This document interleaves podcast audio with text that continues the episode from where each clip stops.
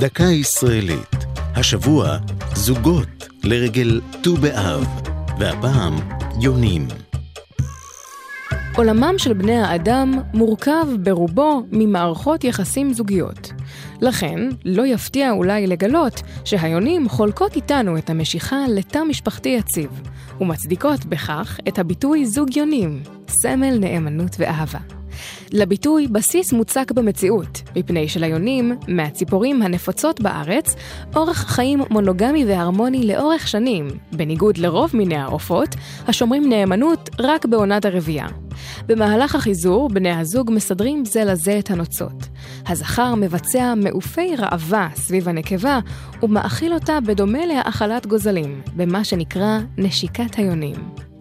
כאשר הגוזלים בוקעים, כל אחד מבני הזוג מאכיל גוזל אחד מנוזל מיוחד הנוצר בגרונם, ומכונה חלב יונים. היונה נזכרת במקרא יותר מכל עוף אחר, ונחשבת סמל היופי והתום. תדמית חיובית אחרת שהיונה זוכה לה, ובפרט היונה הלבנה, היא סמל השלום. מקורו, כזכור, בסיפור המבול. אז הביאה היונה לנוח עלי זית, ובכך בישרה לו כי כלו המים, ובא שלום לעולם.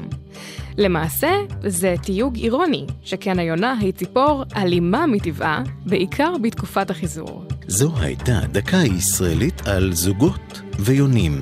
כתבה יובל שילר, ייעוץ הפרופסור יוסי לשם, הפיקה ענבל וסלי.